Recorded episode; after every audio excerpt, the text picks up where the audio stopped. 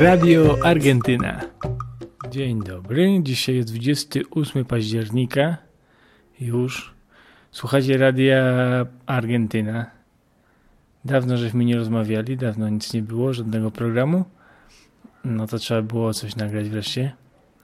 Ostatnio rozmawiałem z koleżanką Olą o... Oczywiście rozmawialiśmy o pandemii. Niestety.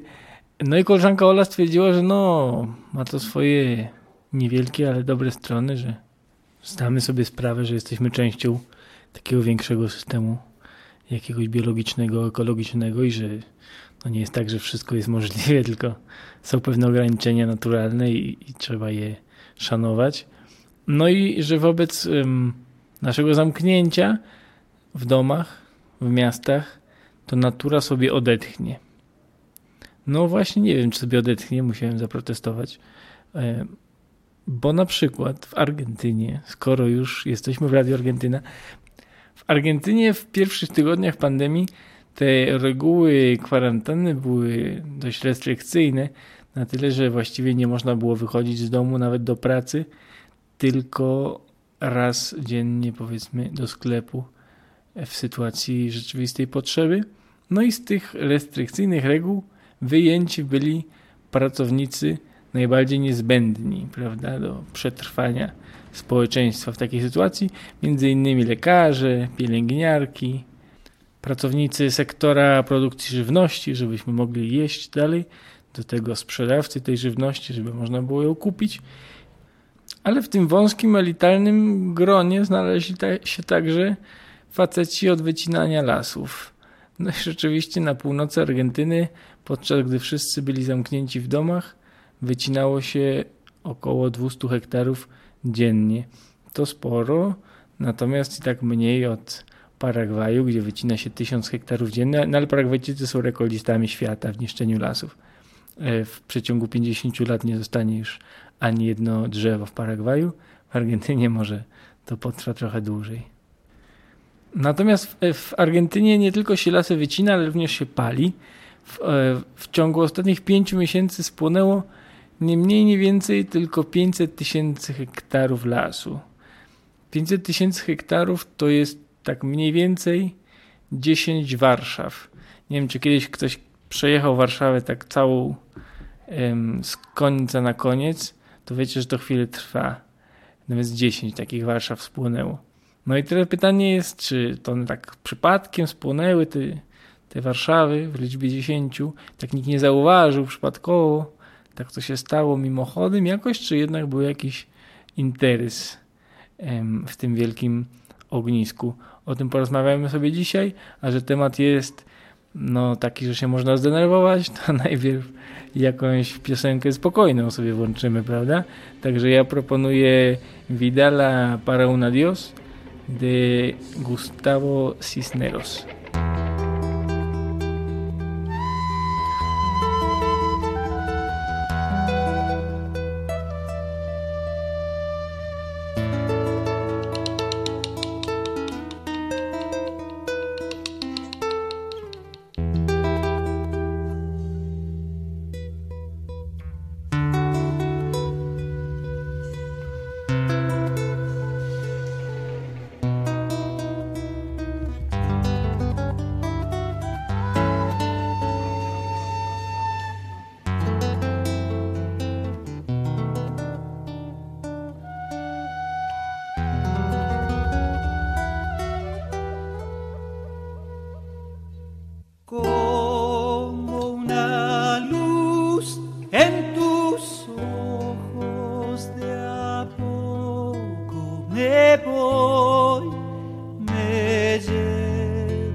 dolor que será de mí.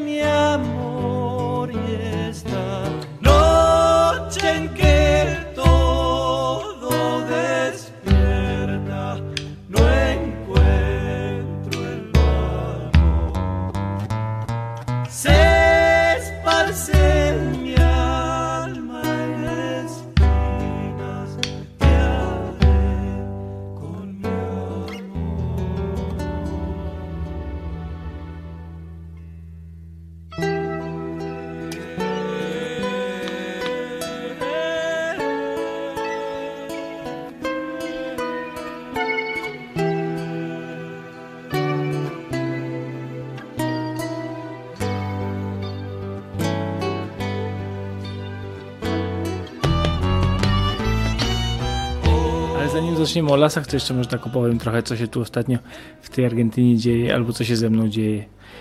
Na przykład byłem w Polsce ostatnio, to znaczy wirtualnie, ale jednak na warsztatach, na warsztatach filmowych Film Spring Open. One były, znaczy grupa dokumentalna, filmów dokumentalnych, zaczynała swoje zajęcia o 10.30 w Polsce, czyli o 5.30 tutaj. Cierpiałem bardzo, cierpiałem bardzo wstając o 5 rano, no ale udało się. Przez 10 dni wstawać o 5 rano, takie dobre ćwiczenie silnej woli po prostu. Nie było ostatnio odcinków Radia Argentyna, natomiast zdarzyło mi się rozmawiać z Pawłem Drozdem w jego podcaście e, Brzmienie Świata z lotu Drozda, jeśli się nie mylę, tak się nazywa.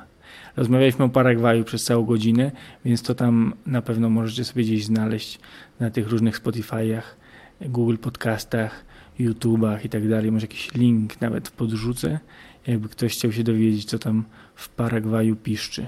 Natomiast jeśli chodzi o wirusa, bo nie może zabraknąć tego tematu, no to tak jak w Polsce przyszła jesień i razem z jesienią choróbska mnożył się jak szalone, tak tutaj w Argentynie mamy wiosnę, idzie lato, no i może jakaś te, ilość tych przypadków wirusa no, maleć to nie maleje, natomiast przez, już nie rośnie tak jak rosło. E, I tak jesteśmy jednymi z liderami światowych rankingów z ponad milionem przypadków koronawirusa. Jesteśmy w pierwszej piątce na świecie. Natomiast rząd zastanawia się, żeby jednak otworzyć drogi, bo przypominam, że w Argentynie w dalszym ciągu ja na przykład nie mogę wyjechać z miejscowości, w której się znajduję. Jest to zabronione. Natomiast właśnie mówi się, że się otworzy jednak te, te, te drogi, że będzie można jeździć bo w szczególności tutaj na południu Argentyny, w Patagonii, no to jest dość sporo tych takich miejscowości, ja je nazywam miejscowości wydmuszki, bo składają się z hoteli i restauracji tak naprawdę. Nie są to miejscowości związane z regionem, tylko powstały przez, no, przez ludzi, którzy wspólnie mieli ten sam wspaniały pomysł, żeby przyjechać i żyć z pejzażu, powiedzmy. Więc to są hotele i restauracje. Jeżeli tutaj nie przyjedzie, nie przyjedzie turysta w lecie, to no nie będą mieli z czego żyć przez pozostałą część roku. Więc jest silna presja, żeby otworzyć jednak drogi. I to się może stanie i może będę mógł wreszcie stąd wyjechać. Zobaczymy.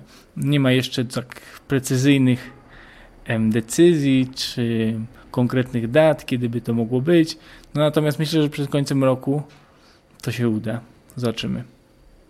No, to teraz chyba możemy już przejść do płonących lasów.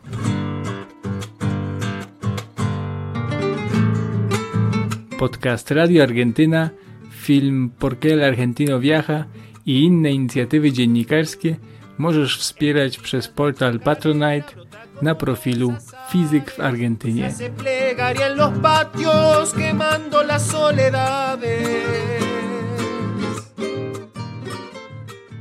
Córdoba.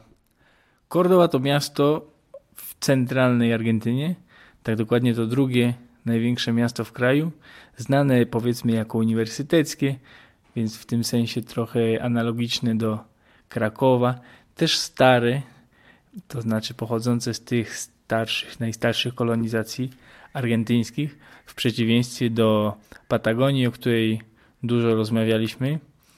W Patagonii mamy miasta, które mają 80 lat, 100 lat, 50 lat, natomiast Cordoba jest, jest dużo starsza. Cordoba znana jest również jako najbardziej wylesiona prowincja Argentyny. Mówi się, że jeszcze na początku XX wieku, czyli tam 100 lat z górką, prowincję porastało 12 milionów hektarów lasów. 12 milionów hektarów to jest y, Słowacja i Czechy razem wzięte. Jakby wziąć Słowację i Czechy, zalesić się całkowicie, no to to by był las, który porastał prowincję Cordoba na początku XX wieku. No ocenia się, że do obecnych czasów zostało nie więcej niż 5% tej powierzchni.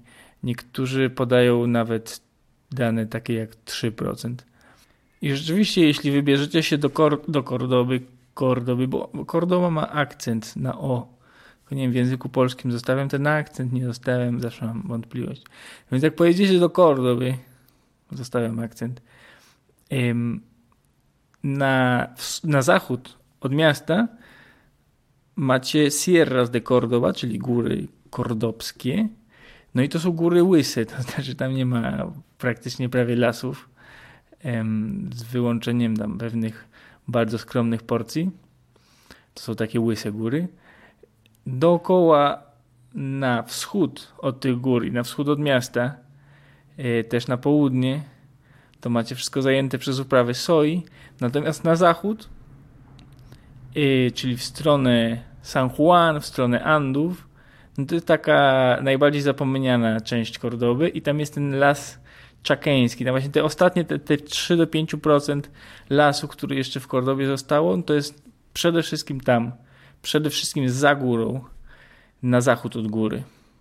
I jeżeli słuchacie tego podcastu na YouTubie, to okładka do tego odcinka to właśnie zdjęcie z zachodniej części Kordoby na ten las czakeński, las suchy, no bo Chaco to jest ten region, pewnie mówiłem już chyba dużo o Chaco. Chaco to jest taki region, Gran Chaco Americano.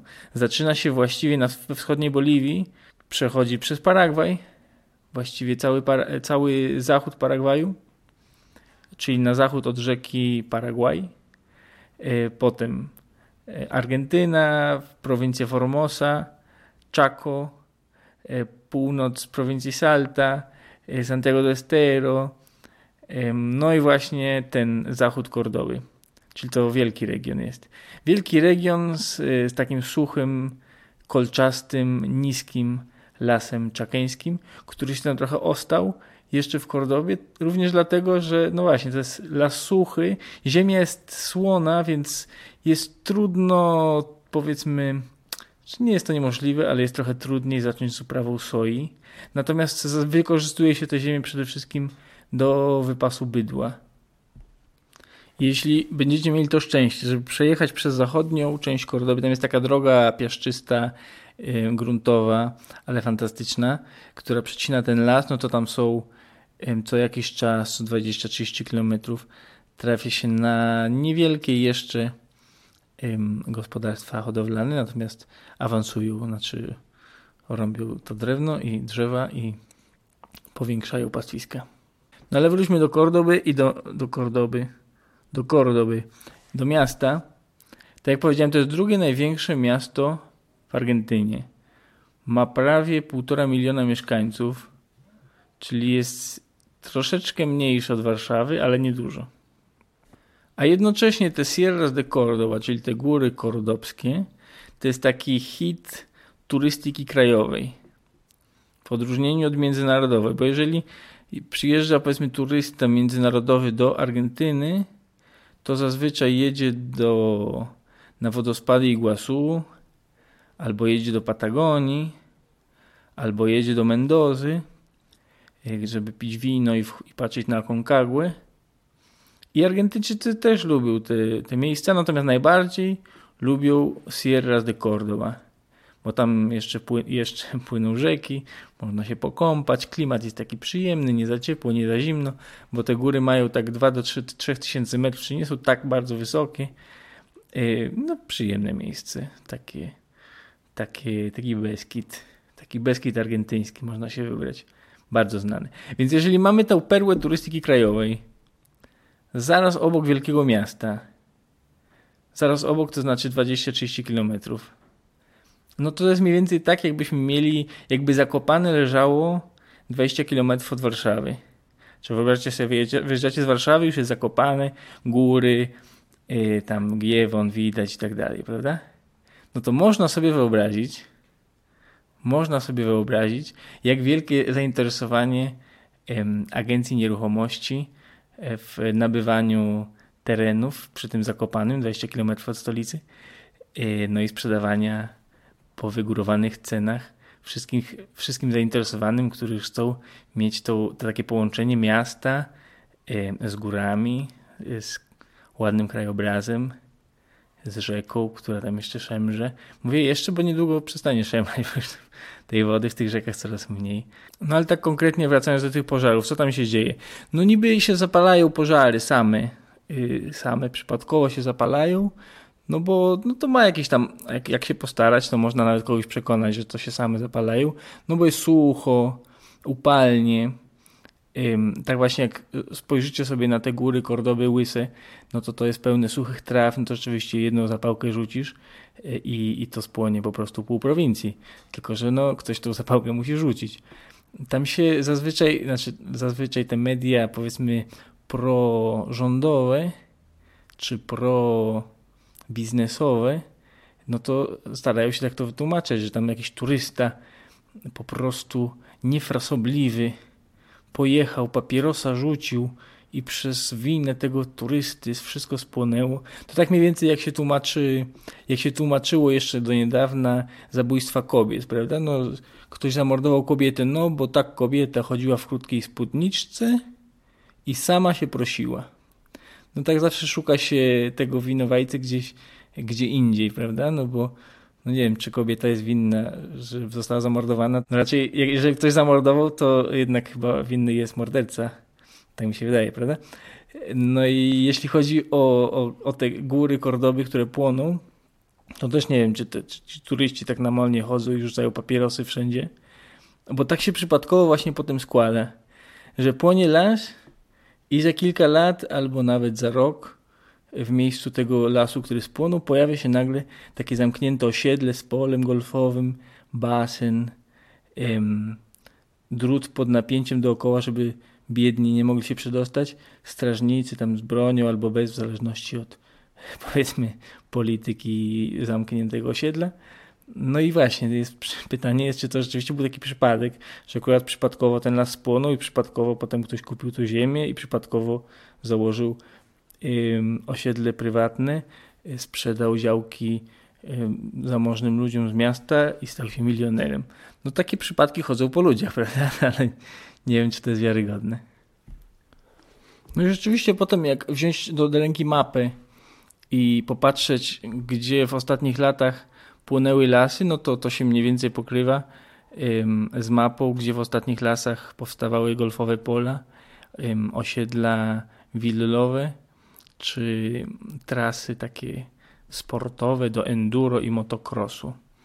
To, to się lubi, to są aktywności, które lubi się rozwijać w miejscach po spłoniętym, po spłoniętym lesie, tak to się mówi. Ja poproszę jakąś y, taką konsultację językową. Czy mówi się po spłoniętym lesie? Czy jak się mówi?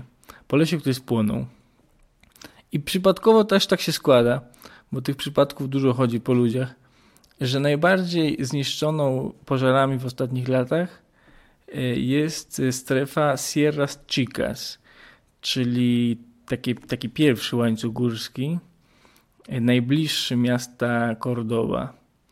Czyli znowu przypadkowo właśnie ci turyści jakoś najbardziej namolnie rzucają te papierosy najbliżej miasta. Może dlatego, że najbliżej miasta właśnie ta rywalizacja agencji nieruchomościowych o ziemię jest najbardziej zażarta, no bo im bliżej miasta, ale jednak w górach, no to te działki mogą być droższe, te, tym po prostu osiedla e, zamknięte pod prądem będzie można sprzedać za, za więcej milionów pesos.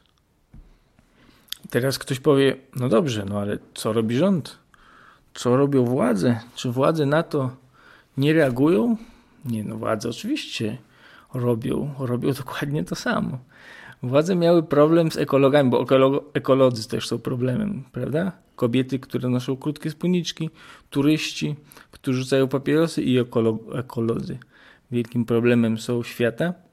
No więc ekolodzy, na przykład w szczególności niedaleko takiego miejsca, który się nazywa Most Świętego Rocha, Puente San Roque, ekolodzy broni, eko, też nie tacy jak tam ekolodzy, nie wiem, z kosmosu, tylko po prostu lokalna ludność, która się, e, która jest świadoma, że jednak mieć kawałek lasu to jest dobra rzecz w życiu. Więc tam była taka rezerwa Kiski Sakate, 520 hektarów, czyli malutka. 520 hektarów jak na, na rezerwa to jest, to jest nic. No więc ta rezerwa w tym roku spłonęła yy, i tydzień później Tydzień później oczywiście pomówiliśmy, czy władze coś robią. No właśnie robią. No. Tydzień później władze ogłosiły, że jak skoro już spłonęła przypadkowo, skoro już przypadkowo spłonęła ta rezerwa, to teraz przeprowadzimy autostrady przez środek. Jaki dobry przypadek, no tak akurat przypadek sprawił, że no, spłonęła rezerwa i, i można było wreszcie tą autostradę przeprowadzić, bo ta autostrada była oprotestowana przez lata. Nikt jej tam nie chce, bo to jest autostrada czysto turystyczna no nie służy miejscowej ludności specjalnie. A czy służy przewalcowaniu tych ostatnich lasów, 3%, 3% lasów, e, które zostały, no i niewiele więcej. Znaczy służy do tego, żeby ludzie dojechali do tych swoich zamkniętych osiedli, gdzie mają swoją willę, którą używają raz w roku albo dwa. No, spędzili tam miło czas z kucharzem, ogrodnikiem i służbą i potem wróciło tą samą autostradą do siebie i koniec. A jak się orientujecie, to, to lasy to przydatna jednak jest struktura taka. Drzewa, korzenie, korzenie przytrzymują wilgoć e, w ziemi i potem w rzekach jest woda, prawda? To jest przydatna rzecz. W tym roku już ogłoszono, że w Kordobie, w, w regionie Kordowy latem nie będzie wody. Już wiadomo, że jest klęska żywiołowa.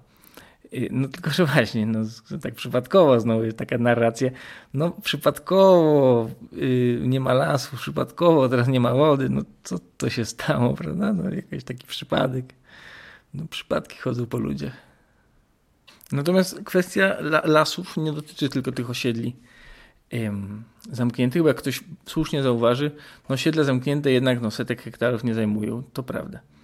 I y, jeszcze są do tego krowy dochodzą. Krowy i mięso tak jak może już wspomniałem chyba w innym odcinku podcastu, no że jeżeli gdzieś w Ameryce Południowej wycina się lasy, albo te lasy przypadkowo płoną, to zazwyczaj to ma związek z jedną z trzech rzeczy, albo naj, najczęściej to z trzema naraz. Soja, bydło i mięso. To, te trzy rzeczy się ze sobą łączą, prawda? No bo jeżeli chcemy mięso, no to albo to musimy wypas, wypasać bydło, a bydło w lesie, no nie, bydło woli trawy, okazuje się, albo musimy to bydło zamknąć w takich ciasnych klatkach i karmić je wysokoproteinowymi paszami z soi, czyli najpierw tą soję trzeba uprawiać i to też zajmuje trochę miejsca. Zajmuje tak bardziej dokładnie to dużo miejsca, y, jeśli chcemy jako konsumenci te proteiny zjeść w formie zwierzaka. Żeby pewną, żeby daną ilość protein mm, zwierzęcych wyprodukować, powiedzmy kilo, to musimy zużyć 20 kilo protein roślinnych. Znaczy 20 kilo w przypadku wołowiny. W przypadku wieprzowiny troszkę mniej, no ale i tak to jest dużo więcej niż, w przypad- niż jakbyśmy te proteiny roślinne spożywali bezpośrednio. Czyli tak w skrócie, zamiast 20 osób je jedna.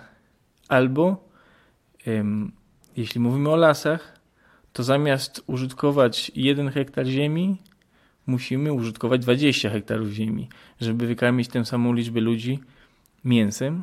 No i te, te 20 hektarów, no to trzeba skąd wziąć? Najlepiej to spalić, prawda? Natomiast okazuje się, że y, właśnie te zwierzątka, te, te wołowina z fidlotów, fidloty, czyli te klatki na, na, na cielaki, wkładamy cielaki do klatek i je karmimy, to zajmuje mniej miejsca, więc nie trzeba mieć tyle ziemi. Y, no okazuje się, że to jest dużo bardziej efektywny. Wspaniale. Rozwój, progres. Efektywny to jest zamykać cielaki i karmić soją, więc y, jest też efektywne, znaczy przynosi więcej zarobku soja na danym obszarze, znaczy uprawa soi, niż wypasanie bydła. To znaczy, że plantatorzy mogą zapłacić więcej za ziemię. To to znaczy, że hodowcy bydła są jakby wypierani z tych ziem najbardziej atrakcyjnych. Najbardziej atrakcyjnych dla rolnictwa, czyli płaskich i jakichś tam w miarę żyznych i nie tak kamienistych. To znaczy, że co to znaczy, że e, płaskie te region, płaskie części prowincji Cordoba, czy płaskie części w ogóle Argentyny zajmuje rolnictwo, zajmują plantacje soi, a hodowcy bydła idą w góry. To znaczy zaczynają zajmować ziemie, które do tej pory były uznawane za marginalne. Y, bo nie były, nie, były, nie były atrakcyjne, można było jeszcze zajmować te ziemie płaskie, gdzie jest trochę łatwiej jednak. Bydłu też. No ale jeżeli plantatorzy zaczęły wykupić ziemię płaskie, no to trzeba iść w góry. W górach jeszcze zostało trochę lasów. No to, no nie wiem, no, no progres, rozwój, prawda? No w imię rozwoju trzeba te lasy wypalić, yy, no i wpuścić tam bydło. Taki, taki mechanizm działa również w Kordowie i taki mechanizm zadziałał w tym roku, czy w ogóle w ostatnich latach, na wyspach na rzece Parana. A skoro przechodzimy z Kordoby do Parana, czyli na tą wielką rzekę, drugą najdłuższą rzekę na kontynencie, no to posłuchajmy najpierw muzyki z regionu, czyli chamamé. Y si algún día dejas de quererme, te lo dice Alpargatas Campera.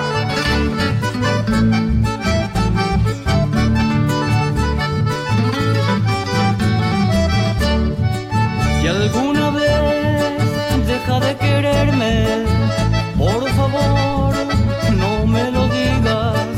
regálame solo un besito y en silencio márchate.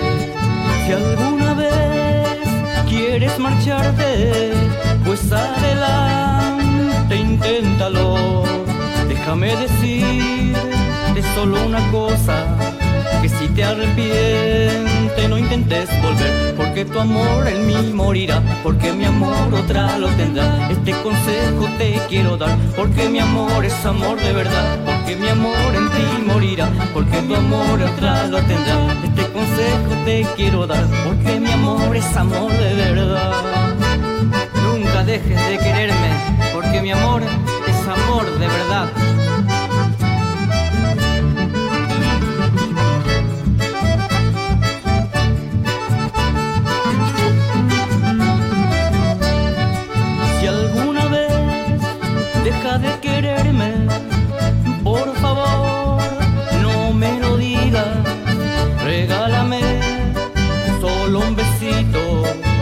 Y en silencio márchate. Si alguna vez quieres marcharte, pues adelante, inténtalo. Déjame decirte solo una cosa, te arrepiente no intentes volver, porque tu amor en mí morirá, porque mi amor otra lo tendrá. Este consejo te quiero dar, porque mi amor es amor de verdad, porque tu amor en mí morirá, porque mi amor otra lo tendrá. Este consejo te quiero dar, porque mi amor es amor de verdad.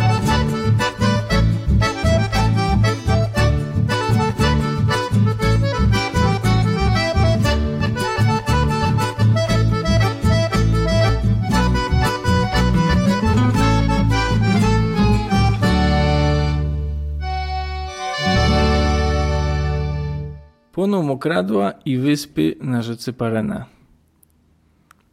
No na pewno zwróci, zwróciliście uwagę, że jeżeli coś płonie na rzece o, albo płonie coś, co jest mokradłem, czyli coś, co jest z zasady mokre, to chyba coś już jest nie tak z tym, z tą naszą planetą. No w przypadku tych wysp na rzece Parana można powiedzieć, że mechanizm w ostatnich latach, w ostatnich latach, mówię 10-15, jest podobny. Sąsiednie prowincje, to znaczy po jednej stronie rzeki macie prowincję Santa Fe, po drugiej stronie rzeki prowincję Entre Rios. Obie to są prowincje no, słynące ze swojej produkcji soi yy, na karmienie zwierzątek na mięso. A podczas gdy producenci soi monopolizują właściwie te płaskie i atrakcyjne tereny w obu prowincjach, no to hodowcy bydła na pastwiskach przenoszą się, analogicznie jak w Kordowie, na ziemie mniej atrakcyjne, czy na ziemie marginalne do tej pory. W przypadku Kordoby to były góry, w przypadku regionu Parana to są wyspy na rzece Parana. No tam traktorem nie wjedziesz, natomiast, yy, czy kombajnem, czy opryskiwaczem, natomiast da się tam przetransportować krowy przy niskim stanie rzeki na piechotę, przy wyższym nie na piechotę, no ale te krowy da się tam wrzucić na tą wyspę i karmić je pastwiskiem, trawą. I rzeczywiście prawdą jest, że wypalanie pastwisk, czy wypalanie łąk, to w Polsce też, prawda? Na pewno widzieliście. No, no jest strategia taka tych hodowców, że wypala się łąkę i potem się liczy, że te trawy się zregenerują szybko i że już nie będzie tych starych, suchych badyli, tylko świeża trawka dla bydła. No i takie praktyki wypalania łąk oczywiście na tych wyspach realizowano od, od, od dawna, by nie powiedzieć od dziesięcioleci, tylko że wcześniej tych krów tam było mało i to byli mali producenci i wody w rzece było więcej. Czyli tak, my, mieliśmy niewiele pastwisk, niewiele krów, no bo to jeszcze niedawno ich było 150 tysięcy na tych wyspach. Obecnie są 2 miliony, czyli mówimy o wzroście przeszło dziesięciokrotnym. Więc to była ograniczona liczba e, i dało się na tym jakoś zapanować. Poza tym to było sezonowe, to znaczy te krowy zabierano na wyspy na kilka miesięcy, potem je wywożono, palono pastwiska, żeby je odnowić z tym, że to dało się, jako że to było niewiele, dało się, tego, dało się to utrzymać jakoś w ryzach, to znaczy dało się kontrolować te pożary.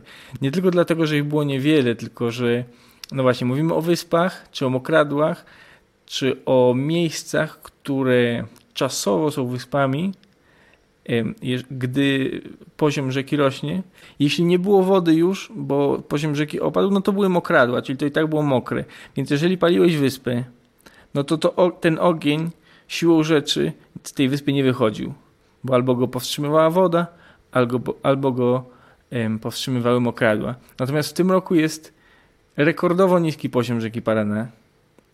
Do tego stopnia, że w porcie miasta Paraná, miasto Paraná to jest stolica prowincji Entre Rios, w porcie miasta Paraná odnotowano poziom rzeki 16 cm.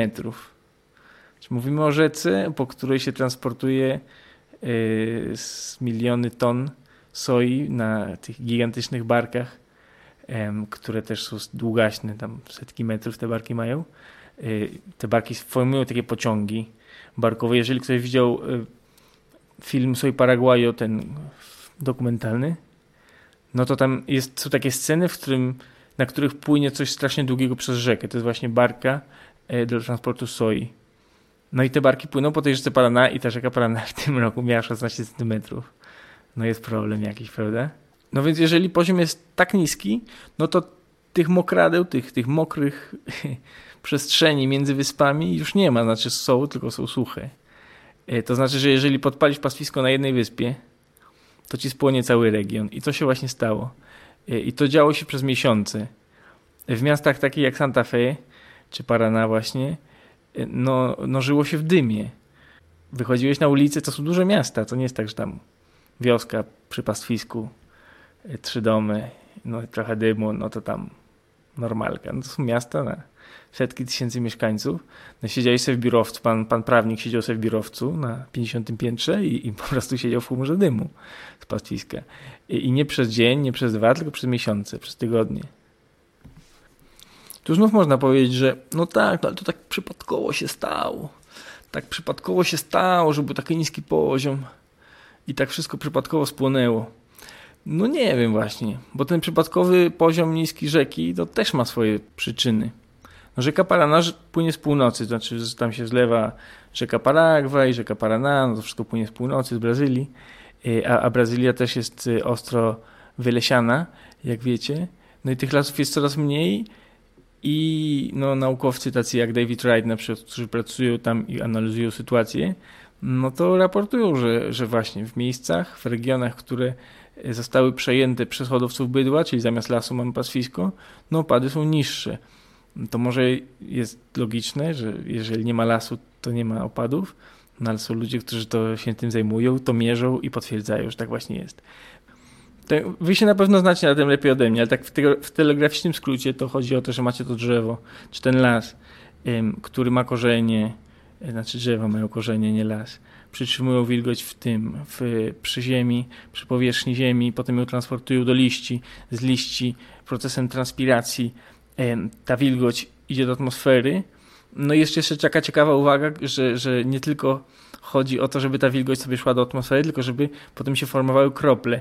I okazuje się bardzo ciekawe, to jest, że że wielką, istotną rolę ma tutaj woń puszczy, znaczy wszystkie zapachy fantastyczne z kwiatów i liści i tak dalej, aromaty, aromaty, czyli koniec końców bardzo maleńkie cząsteczki, które służą jako jądra kondensacji dla kropel. Y, I, czyli jeżeli mamy takie pastwisko, które nie pachnie niczym, nie, nie, nie, dość, że nie pachnie niczym, to jeszcze nie przytrzymuje wilgoci przy, nie, nie, przy, nie przytrzymuje tak dobrze wilgoci jak las y, i ma dużo mniej wydajny proces transpiracji, no to właśnie ta wilgoć po pierwsze idzie w, w dużo mniejszej ilości do atmosfery, no i ta mniejsza ilość wilgoci nie formuje kropel, znaczy formuje tylko po prostu mniej, dużo mniej wydajnie formuje te krople deszczu, więc potem te wiatry, które tam w Ameryce Południowej kursują em, z północy na południe, e, jako że nie mogą przekroczyć Andów, więc z konieczności kursują z północy na południe i transportują te, te wilgoć, tę wilgoć, te chmury nad Amazonię je transportują em, nad rzekę Paraná czy nad góry Kordowy no więc teraz już mają coraz mniej do tego do, transportowania. Więc to nie jest taki przypadkowo, że przypadkowo jakoś jest coraz mniej deszcz, to, to się jakoś przypadkowo tak dzieje. No tylko to jest wszystko związane, prawda? E, I, i, i przypadkowo tak się dzieje, że jest związane z tym samym problemem, e, który się nazywa wysoki popyt na mięso na rynku światowym. No bo tak jak już wspomniałem, te, te karczowanie Amazonii i palenie Amazonii to nie jest w celu uprawiania szpinaku ani czosnku, tylko na pastwiska i na plantacje soi, które potem używa się do karmienia zwierzątek na mięsko. Te pożary w Argentynie w tym roku trwały miesiące. Około 5 miesięcy. Znaczy nie wiem, czy sobie wyobrażacie pożar przez 5 miesięcy. Ale tak właśnie było. Podczas tych pożarów, tak jak powiedziałem na początku, spłonęło mniej więcej 500 tysięcy hektarów lasu. 10 Warszaw. No i pojawiła się propozycja, trzeba przyznać, bardzo pozytywna propozycja. E, znaczy, ona też nie pojawiła się sama, tylko to były też tygodnie protestów. Na ile się dało, no bo podczas kwarantanny to jednak te protesty były utrudnione. No ale odbywały się protesty tak w Kordobie, jak w Santa Fe. Santa Fe to jest właśnie miasto nad rzeką Parana. E, I w końcu w październiku, na początku października, Maksimo Kirchner wysunął pomysł um, ustawy, która zabraniała, za, zabraniałaby zmiany w przeznaczeniu terenu przez 60 lat po ewentualnym pożarze. To znaczy macie las, istnieje jakiś tam plan zagospodarowania terenu, ten plan jest taki, że to jest las, więc się go nie rusza. Potem przypadkowo jakiś tam jest pożar, przypadkowo lub nie. No i właśnie, do tej pory nie do końca zgodnie z prawem, ale to się robiło y, do tej pory, że no dobrze, spłonął las, no to zmienimy plan zagospodarowania, w takim razie już nie będzie las, teraz to będzie pole golfowe albo pastwisko. No i tak się robiło. Więc teraz jest pomysł taki, żeby przez 60 lat od pożaru to było zabronione. To znaczy, spłonął las, nie wykorzystamy go na pole golfowe, tylko go będziemy próbować, ym, powiedzmy, przywrócić do życia. Znaczy będziemy próbować, taka jest przynajmniej idea, taki jest pomysł, żeby go z, no zasadzić tam z powrotem drzewka i spróbować y, pomóc temu lasowi odżyć. O, wysłowiłem się wreszcie. Więc pojawiła się te, pojawił się ten pomysł w ustawie. On oczywiście ma wielkich przeciwników. Y, tych przeciwników na pewno potraficie sobie wyobrazić. Po pierwsze, agencje nieruchomości mówią, że no to jest wbrew rozwojowi, rozwój kraju zostanie zahamowany. To, to samo mówi Sociedad Rural Argentina. Sociedad Rural to jest, no ja bym powiedział, to jest taka organizacja terrorystyczna, ale o, oficjalnie to jest y, związek czy stowarzyszenie wielkich właścicieli ziemskich. No, Związek Feudalistów po prostu. Y, to jest organizacja terrorystyczna dlaczego? No ma, ma na sumieniu morderstwa czy wymordowanie ludności Patagonii i ziemi ognistej. No i hamuje rozwój kraju. Czasami w analizach, powiedzmy, sytuacji gospodarczej Argentyny znajdziecie takie narzekania, no, że w Argentynie to jest kryzys, porząd rozdaje pieniądze i to tak jest źle. No to w ogóle nie jest nie, nie, nie w tym miejscu. Znaczy, rząd rozdaje te pieniądze bardziej czy mniej logicznie, to zależy, ale to nie, nie tam jest problem. Problem, byłby raczej tam właśnie, że, że ludzie z takiej organizacji terrorystycznej jak Sociedad Argentina, e, Sociedad Rural Argentina, mają posiadłości ziemskie wielkości 50, 100, 200 tysięcy hektarów, pozbawiając reszty ludności możliwości rozwoju. Może jeżeli ja wam mówię o ziemi, o dostępie do ziemi, to wam to brzmi jakoś tak trochę no to nie jesteśmy w XIX wieku, żeby mówić o dostępie chłopa do ziemi, prawda? No teraz jest XXI wiek, technologia i tak dalej. Natomiast Argentyna to jest kraj rolniczy. Znaczy przedstawia się jako kraj nierolniczy, ale to jest kraj rolniczy. Jeżeli zwrócicie sobie uwagę na na przykład strukturę eksportu, no to wśród 10 produktów em, najistotniejszych eksportowych, no to przede wszystkim jest soja, mięso i inne produkty rolne, czy nisko przetworzone, czy minerały. Z 10 największych produktów eksportowych 8 to, jest, to są surowce y, i przede wszystkim rolnicze. Więc to jest kraj rolniczy. Y, więc jeżeli w kraju rolniczym nie pozwolisz ludziom posiadać ziemię, bo, zostaje, bo ta ziemia jest w rękach wąskiej grupy ludzi, no to siłą rzeczy no nie licz na, na jakiś tam specjalny rozwój. Oczywiście możesz jechać z, ze starą propagandą, chcieć to móc, kto się stara, to, to może, prawda? No, że, no, ale jeżeli chcieć, y, dochcieć i móc dołożyć jeszcze mieć 100 tysięcy hektarów, no to jest trochę łatwiej, prawda?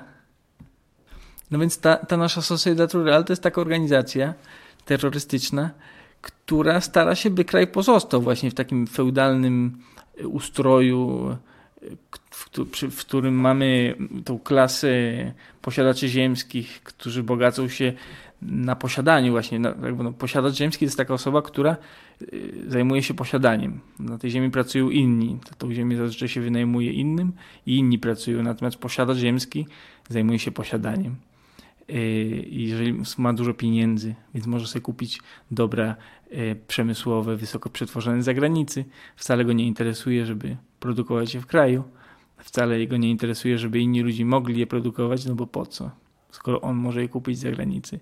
No i ta sama Sociedad Rural Argentina właśnie gorąco wspierała dyktaturę Wideli w latach 70 tą dyktaturę wojskową, która kosztowała życie 30 tysięcy Argentyńczyków i doprowadziła do zupełnie bezsensownej wojny z Wielką Brytanią o Malwiny. No i właśnie ta, ta, ta sama dyktatura również rozpoczęła, można powiedzieć, taki proces desindustrializacji kraju. I od tamtego czasu, powiedzmy, Argentyna, no tak coraz wyraźniej ciąży w kierunku bycia krajem rolniczym, czyli powrócenia do tego, do tego stanu takiej gospodarki postkolonialnej, z którego zdawało się, że Argentynie udało się uciec w pewnym momencie, no ale wróciła teraz. Teraz powrotem przemysł, do, przemysł dogorywa, a, a główną e, aktywnością ekonomiczną kraju jest e, soja, mięso, minerały, ropa naftowa. No taka perfekcyjna struktura postkolonialna, która prowadzi do, do gigantycznych różnic społecznych i e, do właśnie katastrofy środowiskowej na wszystkich frontach. Na wszystkich frontach to znaczy lasy, wody i tak dalej. Czyli generalnie to gdzie nie spojrzeć, tam chciwość. Chciwość po prostu, nawet przy sadzeniu lasów. To jest taki ciekawy składnik, ciekawy element tych pożarów w Argentynie, no bo tutaj, w szczególności właśnie w prowincji Cordoba, także w prowincji San Luis, także na Patagonii, chociaż na Patagonii to ma mniejsze znaczenie. Ym, ale do rzeczy. Prowadzi się plantację sosen. Teraz sosna, wiecie, że sosna to nie jest drzewo z ciepłych krajów. To jest drzewo raczej z krajów zimnych, prawda? Natomiast okazuje się, że sosna tutaj rośnie jak szalona więc po kilku latach po prostu można ją ścigać i sprzedawać na deski. Tylko, że no tu nie, nie jest zimny klimat, tylko ciepły, w, w szczególności w Kordowie. Są upały i jest sucho. Ym, I jak, taki, jak pojawi się jakiś taki pożar, celowy lub nie, chociaż tak jak mówię, one zazwyczaj są celowe. Znaczy to nie tak, że ja tak mówię, tak się domyślam, tylko tak dokładnie to 95% pożarów w Kordobie jest celowych To zostało zbadane. 95% celowych. No więc jest ten pożar celowy lub nie. Jeżeli dosięgnie on plantację sosen, no to te sosny wybuchają i roznoszą, wybuchają, mają, są pełne żywicy, wybuchają sosny, wybuchają szyszki. Są takie wielkie szyszki, szyszki wielkości głowy. Ostatnio rozmawiałem z koleżanką Olą na, na wideokonferencji i nie wierzyła, że takie duże szyszki. Duże szyszki tu mamy. Kiedyś wrzucałem jakieś zdjęcie szyszki. No więc te szyszki są pełne żywicy, wybuchają i roznoszą ogień po prostu na całą okolicę. Ta okolica jest pełna suchych traw, więc pali się jak wesoło. No i propaguje się ten ogień dużo szybciej. No ale cóż. Plantatorzy drzew, producenci drewna wolą sosny, bo szybciej można zarobić więcej pieniędzy. No i nie wiem, co o tym myślicie. Wszyscy myślimy tylko co, jak zarobić szybciej więcej pieniędzy, jak być efektywnym, żeby było więcej mięsa i więcej drewna i więcej wszystkiego, tylko nie wiem, kto to wszystko potem zje, kto za to zapłaci i, i w ogóle czy z tej ziemi jeszcze coś zostanie, jak my tak wszystko naprodukujemy. Smutne to jest to chyba lepiej zakończyć program. Mam nadzieję, że w, w najbliższym odcinku podcastu Radio, Radio Argentyna będę mógł powiedzieć o czymś weselszym. Powiem więcej, mam już nawet plan, powiem wam o Chacarerze. Chacarera, piękna muzyka, ym, przyjemna, ciepła, serdeczna i nie będzie smutnych tematów. No, na pewno się coś smutnego pojawi, ale ogólnie będzie dużo serii, będzie więcej muzyki, także ym, chroncie lasy, wyjdźcie z domu dzisiaj, posadźcie jakieś drzewo i nie jedzcie tyle mięsa. To będzie mniejszy popyt. I jak będzie mniejszy popyt, to może nie będą wycinali tylu lasów w Argentynie. Cześć.